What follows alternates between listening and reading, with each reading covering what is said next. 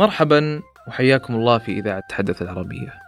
من هنا نريد أن نقول لكل عربي ومقيم في بلاد العرب: تحدث العربية.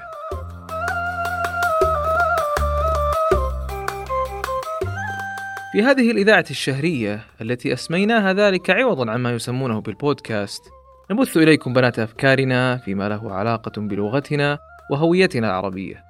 ونشرح ولو بما قل لدينا من معرفة عن الأسباب والدوافع التي حامت ودارت في أذهاننا لسنوات عدة حتى قلنا لها حسنا يكفي. وخرجنا على الملأ لنقول تحدث العربية.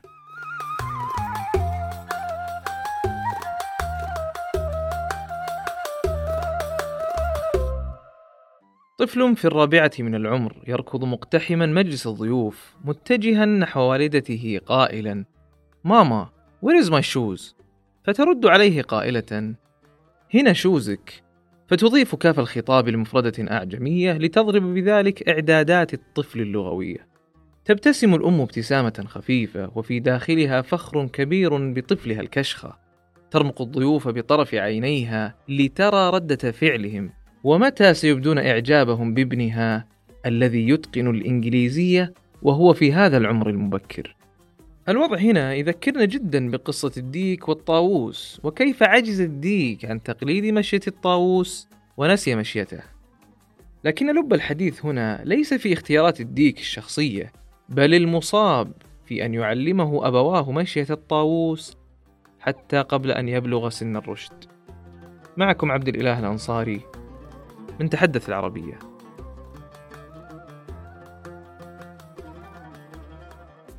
دعوني أبتدئ حديثي بنبذة بسيطة عن أهمية اللغة الأم اختارت اليونسكو اليوم الحادي والعشرين من شهر فبراير لأن يكون يوما عالميا للغة الأم وبعد ذلك تم إقراره في الأمم المتحدة والتي شجعت الأعضاء على المحافظة على جميع اللغات التي يستخدمها شعوب العالم وحمايتها.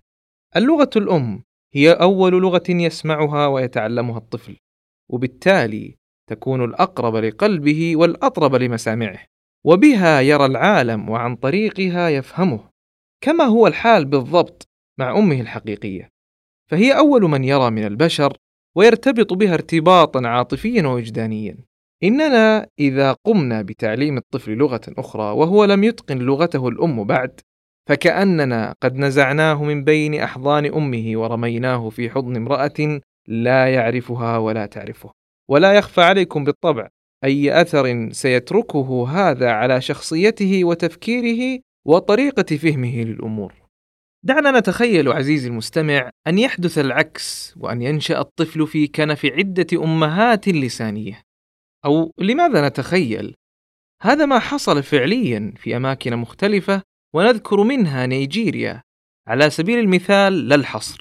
كان لديهم ظاهرة تسمى بالتعددية اللغوية، فهي بلد يسكنها أكثر من 200 جماعة عرقية بأكثر من 400 لغة أم، منهم من هو ثنائي اللغة أو متعدد من اللغات الأصلية الهوسا، اليوربا، الإيغو، أو اللغات الأصلية مع الإنجليزية، والتي تعد بالمناسبة اللغة الرسمية في الدولة. هل أثر تعدد اللغات بالنشأة على النظام التعليمي وعلى حياة النيجيريين؟ وما الفرق بين نشأة الأطفال بلغات مختلفة ونشأتهم بلغة أم؟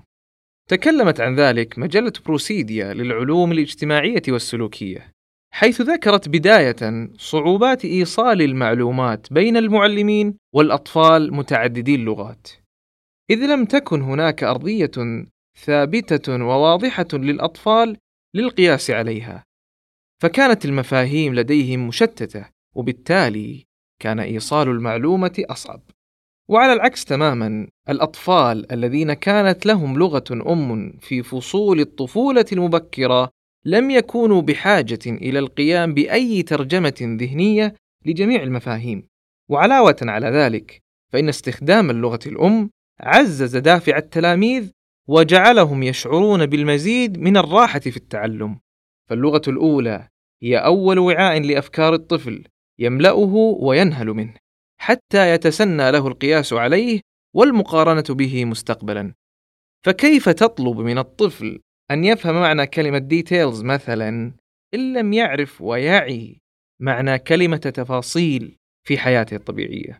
إننا حين نعلم الطفل لغة أخرى على حساب لغته العربية الأم، فإننا ننتزع اللغة العربية منه ونقتلعها اقتلاعا، بدلا من أن نسقي هذه الجذور لتزهر وتنبت. إذا كانت اللغة العربية لغة أما للطفل، فهي حق من حقوقه التي لا خيار للوالدين عنها، ولا يحق لهم الاختيار أن يرضعوه لغة أخرى غيرها. وهذا لا يعني بالطبع أنني أقول أن لا يتعلم الطفل لغات غيرها، ولكن ما أعنيه أن الطفل حين يتعلم لغته الأم ويتقنها فيمكنه بعد ذلك الانطلاق لتعلم أي لغة يريد. وبالمناسبة سيكون ذلك أسهل عليه بكثير من أن يخلط لغة بلغة أخرى ومصطلحا بمصطلح.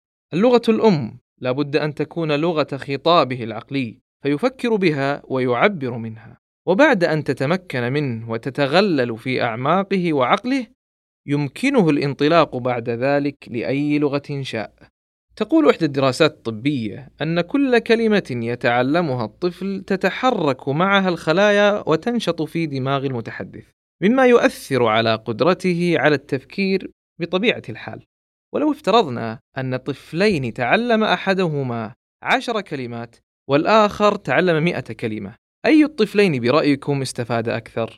إن اللغة العربية ثرية بالمصطلحات مليئة بالتعابير وزاخرة بالضمائر وبالتالي فهي بلا شك تفيد الطفل أكثر من غيرها. فعلى سبيل المثال أنت أنت أنتما أنتم أنتن تختزلها في الإنجليزية بالمقابل كلمة واحدة وهي كلمة يو. فأي الطفلين ستتحرك خلايا مخه أكثر برأيكم؟ من جهة أخرى من الطبيعي أن يتأخر نطق الطفل حين يسمع لغتين في وقت واحد. فهو يحتاج أن يعرف أن هذا كرسي أن يسمعها مرارا كرسي كرسي لكنه إن سمعها كرسي تشير كرسي تشير فسيحتاج لفترة أطول ليستوعبها عقله وليعرف الكلمة الصحيحة له. تخيل معي لو تعلم طفل في تبوك مثلا اللغة اليابانية فقط، فإنه في الغالب سيتطبع بأطباعهم ويأخذ عاداتهم ويتشرب ثقافتهم. لأن اللغة التي يتقنها ستكون مصدره الأول في تلقي المعرفة، وبالتالي كل المعارف باللغة اليابانية ستتسلل إلى عقله شاء أم أبى. ليس المقصود هنا ألا نتعلم لغة أخرى نكرر، وألا نختلط بثقافات غير ثقافتنا، أو لا نستقي المعرفة من غيرنا، بل إن تعلم لغة أخرى في الوقت الحالي أقرب ما يكون للواجب، ولكن الشرط الأساسي ألا تكون على حساب لغته الأم، وألا تطغى عليها.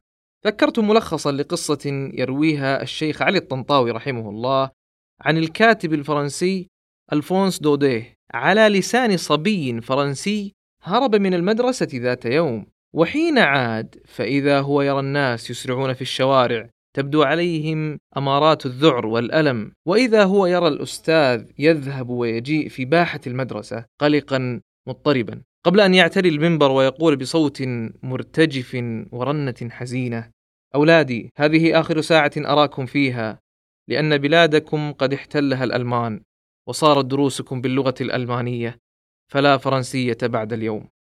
وخنقته العبرات فما استطاع أن يتم كلامه ثم عاد يقول والآن أصغوا إلي لألقي عليكم الدرس الأخير باللغة الفرنسية. واعلموا يا أولادي أنكم أضعتم بلادكم وسلمتموها إلى عدوكم بإهمالكم لغتكم. إن إرضاع الطفل اللغة العربية ليس فقط لتغذيته بها بل إنه يفيده بعد ذلك في تعلم أي لغة أخرى على سطح هذا الكوكب فمخارج حروفها وتراكيبها وجملها وعذوبتها ستكون حجر الأساس الصلب الذي تتكئ عليه اللغات المكتسبة بعد ذلك. وهو عندما ينطلق من لغته في فهم المصطلحات والتعابير فإنه سينزل المصطلحات والأفكار منزلتها ويحكم عليها من خلفيته الفكرية والثقافية فلن تتغير نظرته لمعنى كلمة شاذ مثلا وخلفياتها الدلالية إذا ذكر له مقابلها في أي لغة أخرى. من زاوية أخرى، إن الطفل يخرج إلى هذه الدنيا كالوعاء الفارغ الذي ينتظر ما يملأه يبدأ بالتعرف على نفسه رويدا رويدا من خلال ما حوله بداية باللغة والبيئة والثقافة ليكون بعدها هويته التي تجعله واثقا معتزا بنفسه. يبدأ بتشكيل تجاربه الإنسانية ليستطيع تسميتها وتكوين ثقافة بناء على لغته الأم. فكما ذكرت مجلة الحراك البشري متعددة التخصصات أن الثقافة معرف لهوية الفرد القيم المشتركة والعادات والتاريخ جميعها تضع بصمتها على سلوكيات الفرد وفكره ونظرته كذلك للعالم. العاملون على إعادة التأهيل الثقافي يعرفون ذلك جيدا. ففي حادثة ذاع صيتها مؤخرا تحكي قصة إحدى المدارس الداخلية في كندا. فطبقا لصحيفة نيويورك تايمز كانت تقوم هذه المدرسة بفصل أطفال السكان الأصليين عن عائلاتهم وأسرهم لإدخالهم ضمن جهود ما يسمى بإعادة التأهيل الثقافي. كانت تلك المدارس تبدأ أولى بروتوكولاتها بعدة خطوات، يأتي من ضمنها منع الأطفال من التحدث بلغتهم الأم، وإجبارهم على تعلم اللغة الإنجليزية وتحدثها من ذلك الحين وصاعدا. وبعد ذلك يأتي دور ما يواجهون في الحياة اليومية من الاعتداءات الجنسية والعنف وغيرها من الفظائع. إلى أن يلقوا من مات بهم في مقبرة جماعية بكل برود. موت اللغة هو أول مراحل الانفكاك عن الهوية، ومن بعد ذلك تموت الثقافة والموروث إلى أن يموت العرق بأكمله ويضمحل. إن اللغة ليست مجردة بذاتها بل ترتبط ارتباطا وثيقا بكل شيء آخر كاللباس والمأكل والهوية وغيرها فتخيل معي طفلا يعيش في أفريقيا ويتحدث الروسية ويلبس الكلت الذي هو الإزار الإسكتلندي ويتعشى سوشي. كيف ستكون هويته؟ فقبل أن يكون مادة خصبة للتندر سيضيع في زحام من الهويات في أهم سنين حياته والتي لا بد فيها من الاستقرار حتى يقوى عوده وتشتد صلابته. وبعد ذلك لو رميته في بحر متلاطم من الهويات فلن تخشى عليه من الغرق. وهنا أمر آخر. إن الحب أو الحاجة لتعلم لغة أخرى ليس بالضرورة أن يجعل الطفل كارها للعربية. وفي ذلك مغالطة سلوكية غريبة يقوم بها بعض الآباء مع أبنائهم. فتجدهم يعتقدون أن تعلم أبنائهم للغة أخرى يمر بتنفيرهم من اللغة الأم. فلو كانت تطربك الأسبانية مثلا فتعلمها ولو كانت تثريك الفرنسية فادرسها ولكن لا يجعل كذلك تنسى جذورك وتنسلخ من هويتك. إن الطفل العربي يتميز عن غيره من أطفال هذا الكوكب فقدره أن يولد لأبوين يتحدثون أعظم لغة عرفتها البشرية وأثراها من ناحية المصطلحات والتراكيب والتصاوير ومخارج الحروف العربية تمكنه من تعلم لغة أهل المريخ إن أراد ذلك. إن كل كلمة يتعلمها الطفل وكل تعبير يتقنه يساعد في اتساع أفقه وعمق تفكيره وازدياد فصاحته. وهل هناك أفضل من اللغة العربية لتقوم بهذا الدور؟ تذكر دائما أيها الأب أو الأم علموا أبناءكم اللغة العربية ومكنوهم منها ليتمكنوا بعدها من تعلم ما بقي من لغات العالم. كأسد يعرف كيف يتحدث مع الزرافة دون أن يمشي مشيتها.